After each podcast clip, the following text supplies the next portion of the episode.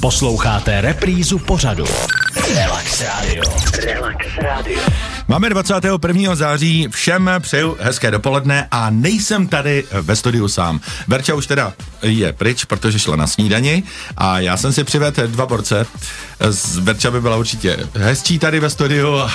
jsou to dva siláci, kteří mají namířeno do Vídně a jsou skladna. Kluci, já vás tady vítám, je tady Lukáš Beran. Ahoj, zdravím všechny posluchače. A Marek Roule. Ahoj, taky zdravím.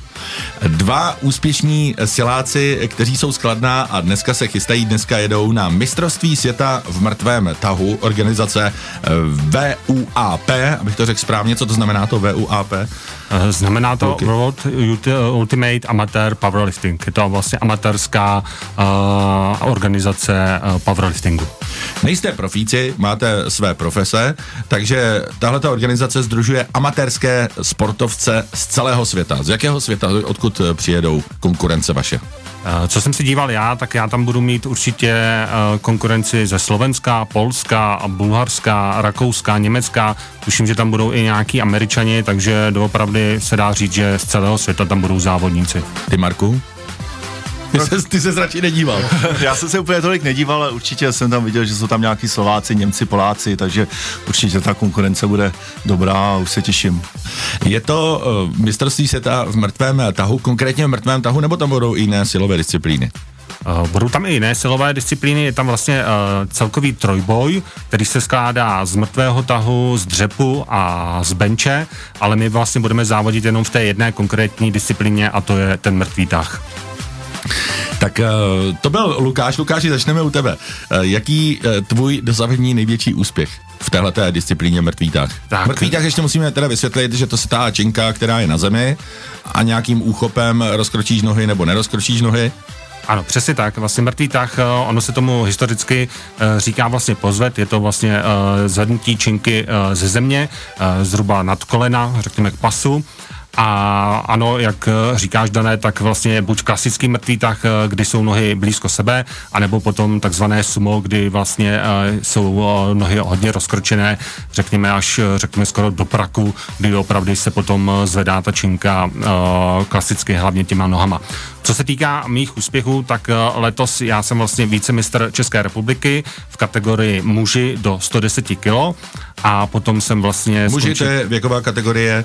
To je vlastně 23 muži, až 39 let. Přesně tak, je to ta nejvíc obsazená kategorie, co se týká vlastně uh, té, toho powerliftingu. Mm-hmm.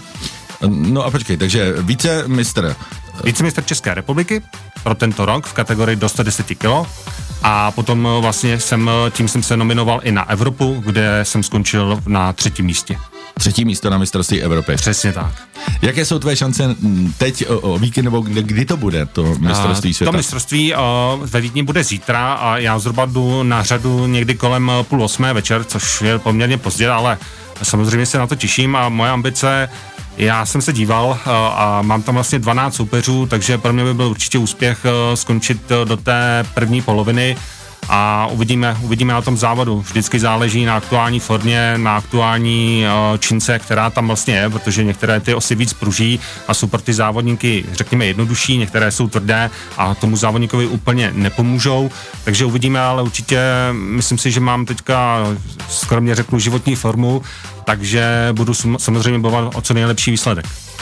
Tak eh, to je Lukáš Beran a vy tam jedete dneska proto, abyste se zaprezentovali, eh, navážili nějakou váhu a připravili se. Přesně tak. Dneska vlastně jedeme uh, už ten den předem, aby jsme se zvážili a jelikož oba dva vlastně uh, s Márou uh, držíme, řekněme, takovou dietu a moc ani uh, nepijeme, aby jsme byli co nejlehčí, tak uh, samozřejmě se těšíme, až tam v ty tři hodiny dorazíme, navážíme se a budeme moc uh, se konečně najíst a napít.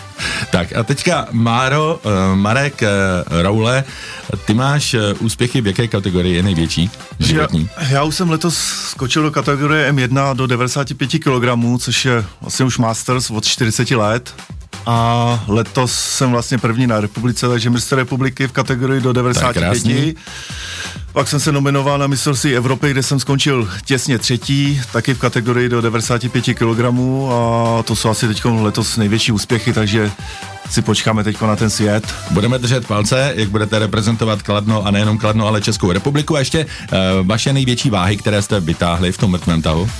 Tak já mám regulérně zapsáno v té 95 260 kg, což letos na, těch, na tom světě chci posunout. To je, to je v podstatě třikrát větší váha, než vážíš se vytáhnout. Přesně tak, ano, ano. Chci to posunout určitě o nějaký ten kilogram nahoru.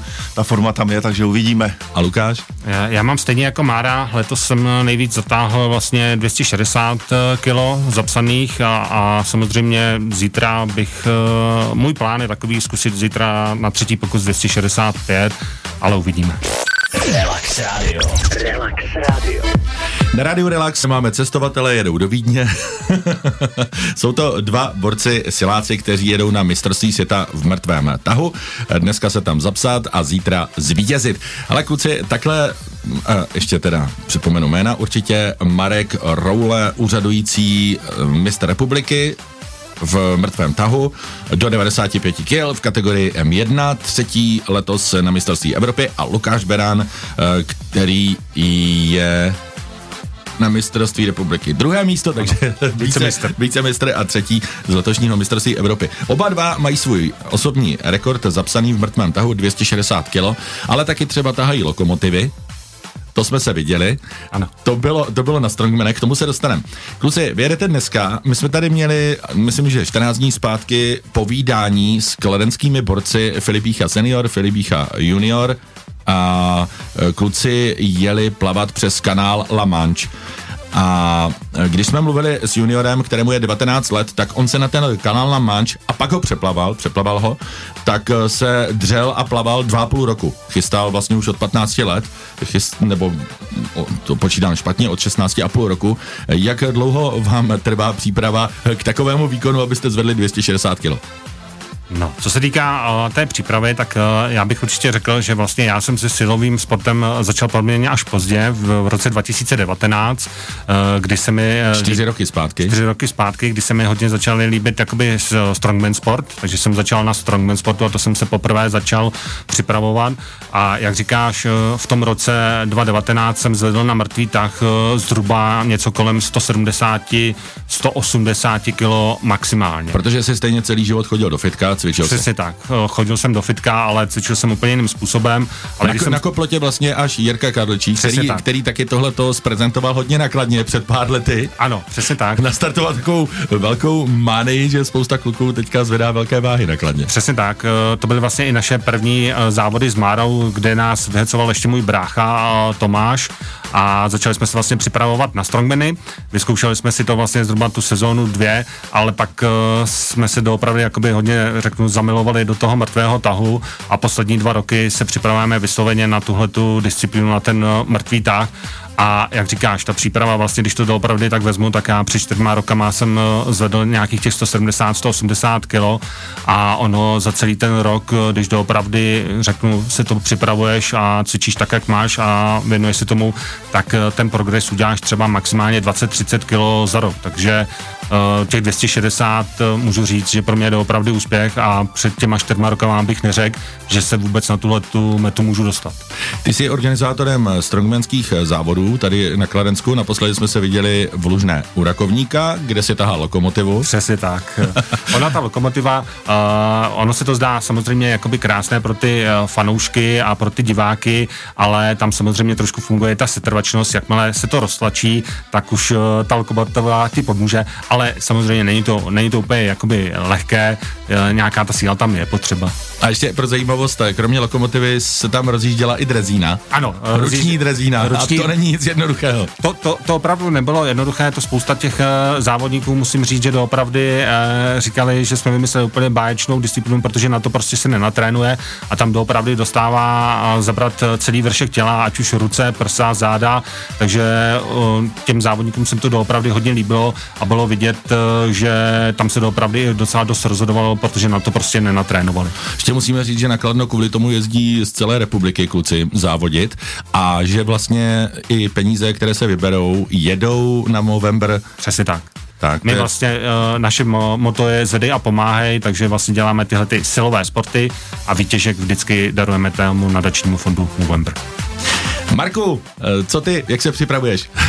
Tak de facto, my to máme úplně stejně s Lukášem, když to vezmu, tak uh, poslední ty čtyři roky začínali jsme u toho kadlčíka, jak jsme říkali, a de facto já jsem začínal cvičit už ve 20, ale byl jsem hubený klub, měl jsem 60 kg, takže jsem cvičil vlastně tak kulturisticky, chtěl jsem nabírat svaly, až de facto teď poslední ty čtyři roky jsem si říkal, že už mě to tolik nebaví a uh, Lukášův brácha, vlastně Tomáš právě nás k tomu přived, začali jsme tahat, zkusil jsem si snad poprvé mrtvý táh, tam to bylo taky žalostný, tam to bylo nějakých 180 kg, takže jsem říkal, to není možný, musím něco zvednout, začal jsem zvedat, začal se mi to líbit, začali jsme ten strongman sport do toho, takže jsme dělali všechno naraz ale to fakt bylo náročné, prostě práce, tréninky, teď jsme jezdili do Prahy, všude jsme trénovali jsme venku u Lukáše na zahradě, u mě na zahradě, všechny nářadí jsme si pořídili, takže to šlo nahoru, líbilo se nám to, ale teď poslední dobou, říkám, nebylo tolik času, tak jsme se věnovali tomu mrzvému tahu a tam jsme se postupně začali oba zlepšovat, začalo se nám to líbit a začali jsme soutěžit a to nás teď naplňuje.